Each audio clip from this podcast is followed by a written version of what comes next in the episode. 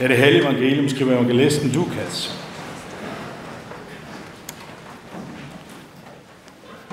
Alle toller og syndere holdt sig nær til Jesus for at høre ham. Og farisæerne og det skriftlåg undlagde sig og sagde, den mand tager imod syndere og spiser sammen med dem. Man fortalte dem denne lignelse. Hvis en af jer har 100 får og mister et af dem, lader han så ikke de 99 blive i ødemarken og går ud efter det, han har mistet, indtil han finder det. Og når han har fundet det, lægger han det glad på sine skuldre. Og når han kommer hjem, kalder han sine venner og naboer sammen og siger til dem, glæd jer med mig, for jeg har fundet det for, jeg havde mistet. Jeg siger jer, sådan bliver der større glæde i himlen over en sønder, der omvender sig, end over 99 retfærdige, som ikke har brug for omvendelse. Eller hvis en kvinde har 10 drakmer og taber en af dem, tænder hun så ikke lys og fejrer i huset og leder ivrigt lige indtil hun finder den. Og når hun har fundet den, kalder hun sine veninder og nabokunder sammen og siger, glæd jer med mig, for jeg har fundet den drakme, jeg havde tabt. Sådan siger jeg, at jeg bliver der glæde, over, glade hos Guds engle over en sønder, som omvender sig. Hellige far, dit ord er sandhed. Hellig os i sandheden. Amen.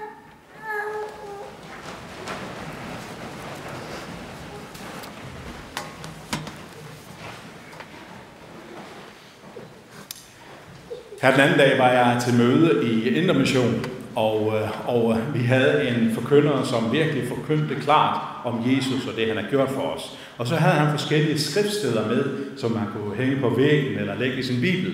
Og så udleverede han sådan et bogmærke, et bordkort til, øh, til alle os, der var til stede. Og der stod et citat på, som, øh, som har fulgt mig lige siden den, da jeg blev omvendt. Der stod på, jeg så på troen, og troen svandt. Jeg så på Jesus, og troen vandt. Jeg så på troen, og troen svandt, og jeg så på Jesus, og troen vandt. Altså, jeg så på, hvor meget tror jeg? Hvad betyder min tro? Hvordan ser min tro ud? Er den varm nok? Er den engageret nok? Gør jeg nok for at vise, at jeg har den her tro? Jeg så på troen, og troen svandt. Men det er jo det, vi opfordrer os til. Det er jo det, der er pointen i den kristnes liv.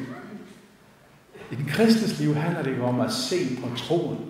Nej, men at løfte vores blik og se hen til Jesus, den korsfæstede opstanden frelser. Og når vi ser derhen, så kan vi være sikre. Sikre på vores frelse. For det, hvis vi ser på os selv, så vil det gå op og ned. Vores følelser vil ændres. Hvad vi gør vil ændres. Der vil være tidspunkter, hvor vi er meget brændende. Og der vil være tidspunkter, hvor der er meget tørt i vores trosliv. Der vil være tidspunkter, hvor vi bare har energi til at lave en masse i kirken og i missionshuset. Og andre gange, hvor vi bare ingen ressourcer har. Men har vi Jesus, så er det nok. Så er det mere end nok. Det handler om at være omvendt. At være vendt om. Altså sagt på en anden måde, at vi har vendt vores blik væk fra os selv og hen til Jesus. Og derfor er det naturligvis også naturligt at spørge i dag, er du vendt om?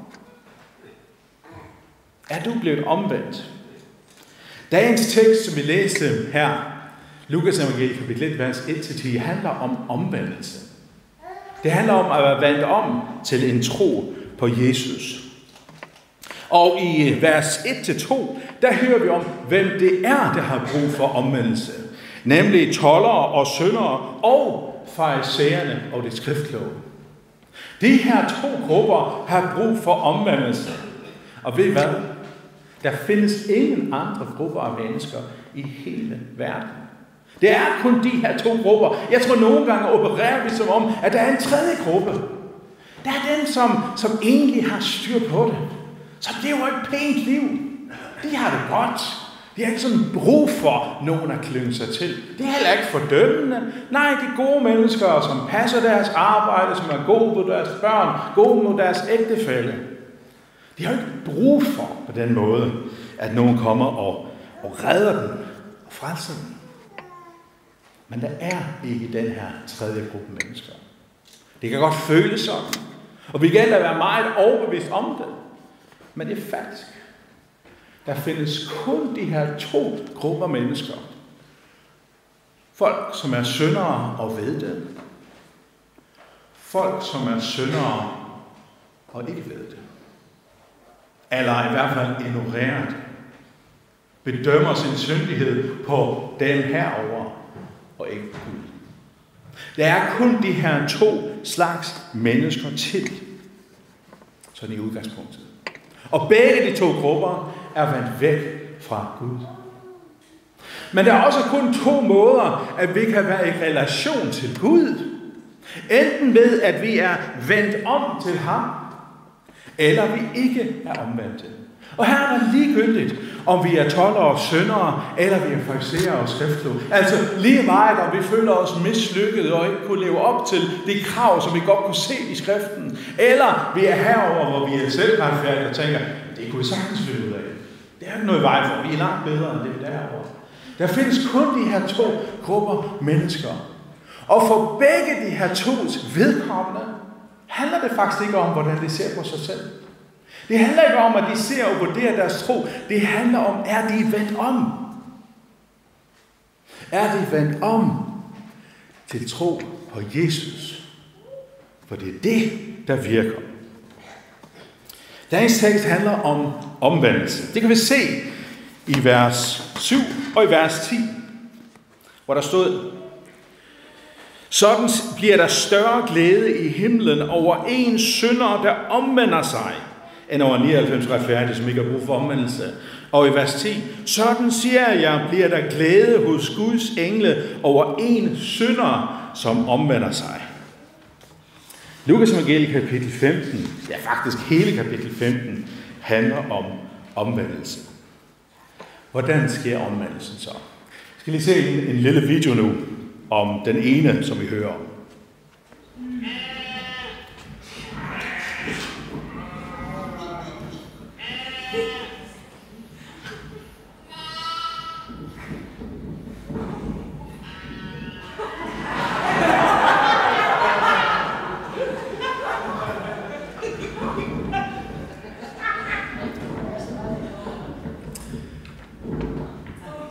Det er foråret.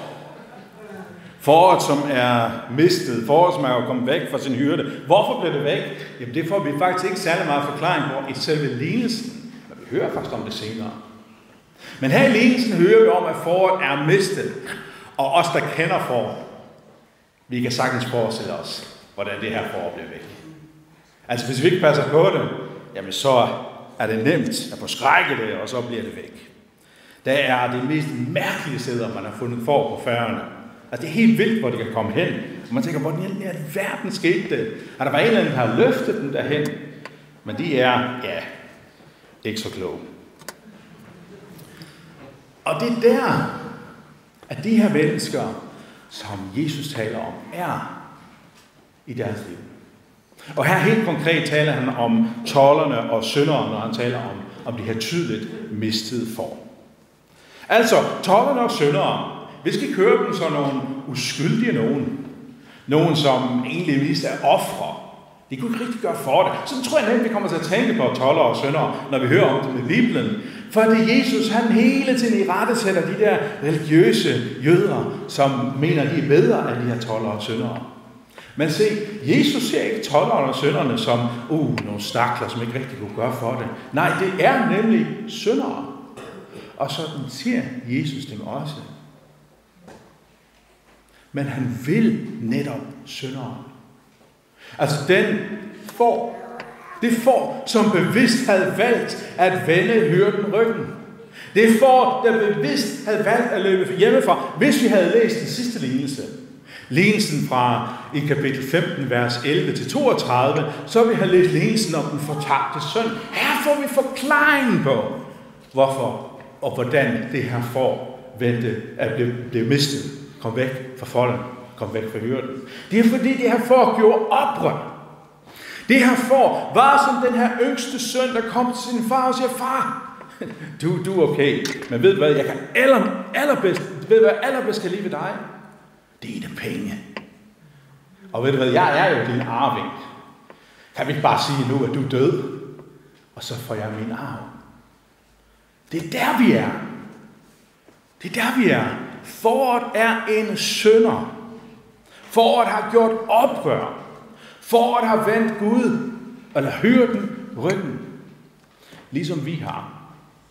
Og så er der, at nogen af os kommer, og når vi hører det her, så kan ah, jo, jeg kan godt se, der er nogen, du ved, som er, der, der virkelig har brug for en eller anden frelser. Måske fordi de føler sig som ofre, eller fordi de har gjort noget forfærdeligt, og de ved det, og derfor har de brug for nogen, som kan lige trøste dem lidt og sige, at det har tilgivelse. Men det er os alle sammen, den her tekst handler om. Det er os alle sammen. Vi har alle sammen vendt Gud ryggen. Hvordan kan vi se det? Ikke hvis vi nødvendigvis bedømmer os i forhold til andre mennesker. Ikke nødvendigvis fordi, at vi, vi sammenligner os med de der mennesker, som sidder i fængsel og får mange års fængsel. Ikke hvis vi sammenligner os med de der krigsforbrydere, vi ser nede i, i Ukraine. Hvis vi sammenligner os med dem, okay, så kan vi sige, ah, ah, ah, pusse vores glorie, og så det går nok. Men det er ikke det, der fortæller os, at vi er syndere. Det, som fortæller os, at vi er syndere, det er Guds ord. Og vi skal sammenligne os med Guds, øh, med, med, med Guds søn. Det er der, vi kan se, om vi er syndere eller ej. Og så kan vi bare spørge, okay, Jesus siger, at du skal elske Herren din Gud af hele dit hjerte, hele dit sind, hele din sjæl, hele din styrke. Der skal ikke være en eneste tanke i dit liv, som ikke handler om din kærlighed til Gud. At du sætter Gud allerøverst i dit liv. Og Jesus siger, at der er et andet bud, som minder om det her.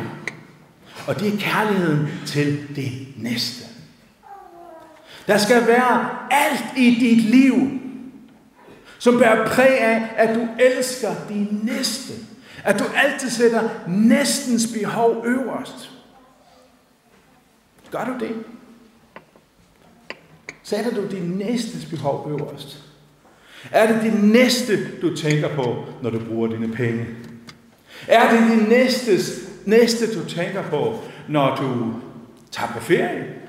Er det det næste, du tænker på, når du måske taler om hende der, som bor på den anden side af vejen, som virkelig er træls? Er det så hendes bedste, du tænker på? Eller når dit hoved bliver vred på en, som, som du føler har uretfærdigt behandlet dig, og du ønsker bare bål og brand over vedkommende. Er det så din næste, du sætter højest? Er det Gud, der har førstepladsen i dit liv?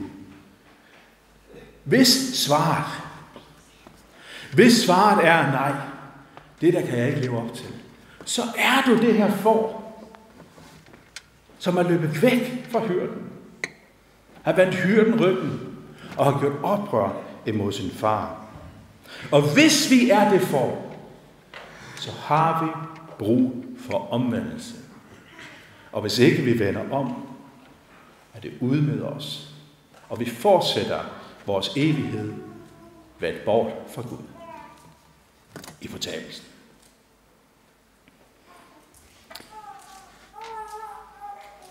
Lukas 15 handler om den her omvendelse. Hvordan sker den så? Jeg tror mange gange, at, øh, at når vi læser Lukas evangelie kapitel 15, så er det lignelsen om den fortabte søn, som får lov til at være tolkningsnøglen. Og vi tænker, at når vi ser Lukas evangelie kapitel 15, så er det der, vi får forklaring på, hvordan man bliver omvendt. Men det er det faktisk ikke. Lukas evangeliet kapitel 15, vers 11-32 er ikke fortællingen om, hvordan vi bliver omvendt. Det er fortællingen om, hvorfor vi skal omvendes. Det er kun i de to foregående lignelser, Lignelsen om det mistede for den tabte mønt, at vi hører om, at det her handler altså om omvendelse. Det er kun ved de her to lignelser, at vi hører den her afslutning. Sådan bliver der glæde i himlen over en sønder, der omvender sig. Og sådan, siger jeg, bliver der glæde hos Guds engle over en sønder, som omvender sig. Den her konklusion er ikke med i den sidste lignelse. Det, der til gengæld er med i den sidste lignelse, lignelsen om den fortabte søn, det er vers 24 og 32, hvor der står, For min søn her var død og er blevet levende igen. Han var fortabt, men er blevet fundet. Og igen, vers 32, hvor faren siger til den ældste bror, men nu burde vi feste og være glade, for din bror her var død, men er blevet levende igen. Han var fortabt, men er blevet fundet. Se, hvordan kan man blive omvendt, når man er død? Hvordan kan man blive levende, når man er død? Det er jo ret svært, er det ikke det?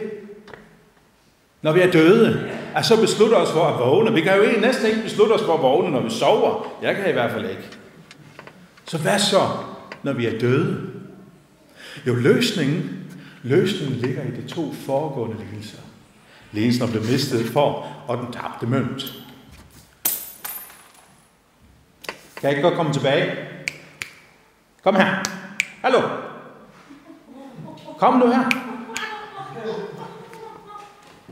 Det sker ikke særlig meget med de her mønter, vel? Selvom jeg var virkelig super på dem. Alle her kunne sige, ej, kom nu. Hvis I godt komme, så skal I nok få lov til at se lige præcis den film, jeg har lyst til. Hvordan ved jeg så, om jeg er omvendt? Januar måned 1997, der kom jeg til tro på Jesus. Jeg levede et ikke-kristent liv, vendt væk fra Gud, men der i januar 97, der blev jeg omvendt. Og i den første tid, der betød det rigtig meget for mig, at det var lige præcis der, jeg blev omvendt. For det, når jeg tænkte tilbage på den begivenhed, så vidste jeg, yes, jeg er en sand troende. Men efter som jeg gjorde det, så begyndte jeg også at tvivle. Ah, mente jeg det sådan for alvor? Burde jeg gøre det igen? Hvad hvis nu jeg øh, egentlig ikke tror så meget mere? Hvad hvis jeg tvivler? Og så kan du prøve at se tilbage. Ja, hvad gjorde jeg der? Mm, jeg kunne finde på at sige, at jeg gav mit liv til Jesus. Og jeg følte mig faktisk nogle gange ret, ret stolt over det her, hvad jeg har gjort. For jeg kan se nogle af mine gamle venner, det har de i hvert fald ikke kunne finde ud af, men jeg kunne. Jeg så på troen. Og hvad skete der? Den svandt. Der gik lang tid, før jeg lærte, at det handler faktisk ikke om ham her. Det handler ikke om forår, det handler ikke om mønten, det handler ikke om de to sønner. Det handler om ham, der griber ind. Det handler om Gud. Ham, der opsøger. Han, der søger det tabte, fortabte. Det er, hvis jeg tror på ham, at jeg er omvendt. Derfor er det fløjtende ligegyldigt som sådan, at jeg havde en omvendelsesoplevelse i 97. Selvfølgelig er jeg glad for, at jeg gik fra at være vantro til at blive troende. Men selve begivenheden, den begivenhed, den betyder ikke specielt meget. Den begivenhed, som virkelig betyder noget, det er den, I ser afbildet der på væggen. At Jesus døde på korset. Det kan jeg bygge på. Den begivenhed, som betyder noget, det er også den, vi bevidnede her før, op ved døbefonden. Hvor vi hørte det her løfte om, at når vi bliver døbt, så bliver vi Guds børn, vi bliver Jesu disciple, vi får tilgivelse, vi får helligånd. Det kan jeg bygge på. Det vil sige, når jeg kommer i tvivl, ah, er min tro rigtig nok? Er jeg rigtig omvendt? Så skal jeg ikke kigge på, hvor meget jeg besluttede mig for det. Så skal jeg kigge på, hvad er det, Jesus lover mig? Hvilke løfter er det, han knytter til dåben, eller nadvåren, eller han lytter til evangeliet? Hvilke løfter er det, han knytter til ved? Han knytter ikke til ved, hvad sker der i dit hjerte? Han knytter til ved nåden i Guds hjerte. Han ser på, hvordan forholder vi os til det, Jesus har gjort, og ikke til, hvor stærk og brændende vores tro er. Se, I dag er vi her. Toller og sønder og fariserer og skriftkloge. Og nogle af os er omvendte sønder og toller og fariserer og skriftkloge. Og jeg ved ikke, om der er nogen her, som ikke er omvendt. Det aner jeg ikke. Jeg kender ikke jeres hjerter. Men jeg har to budskaber. En til dig, hvis du er her, som ikke er omvendt. Se, i dag har du mulighed for at blive omvendt. Ikke fordi den her begivenhed som sådan betyder noget, men du får lov til. Du får lov til at sige ved dig selv. Jamen, jeg er jo ikke omvendt. Og så prøv at se hen til, hvad Jesus har gjort. Se, hvis du er villig til at sige, jeg giver slip. Jeg kan ikke. Jo, jeg er så det, der mistet for. Jeg har måske prøvet det, jeg synes, jeg er et godt menneske, men i virkeligheden er jeg en sønder. Og så må du få lov til at klynge dig til Jesus. Men jeg ved, jeg blev døbt. Og hvis det er sandt, det som skete i dåben, jamen så er jeg jo kristen, hvis jeg tror på det. Hvis vi ikke tager det til os, som skete i dåben, jamen så er vi vendt væk fra Gud. Men hvis vi stoler på det, hvis vi klynger os til det, så kan du hvile i det. Men det er også et budskab til dig, som er toller og sønder, eller fariserer og skriftklog, som er sådan i tvivl om det her. Jamen, ah, hvordan kan jeg vurdere det? Hvordan er min tro stor nok? Hvornår er den stærk nok? Er jeg sikker på, at det er den tro, jeg har? Se væk fra dig selv. Du har ikke brug for at blive omvendt fra vantro til tro, men du har brug for den her daglige omvendelse, hvor du skal vende væk fra dig selv. Vende væk fra at se på din tro. Og se hen til Jesus og de gaver, han har givet dig. Gud er god. Og han vil dig det bedste, selvom du ikke har fortjent det, selvom jeg ikke har fortjent det. Han har gjort alt, hvad der skulle til, for at vi kan blive vendt om og være sammen med ham. Så det eneste, der kunne gøre, at det her får ikke blev fundet, det er, hvis det nægtede, der hørte den løftet det op. Men hvis det ikke den nægter, hvis ikke vi står imod, så er vi Guds børn. Så er vi Guds børn. Lov og tak og evig ære være dig for Gud, Fader, Søn og Helligånd. Du som var, er og bliver en sand treenig Gud, højlovet for første begyndelse, nu og i alle evighed.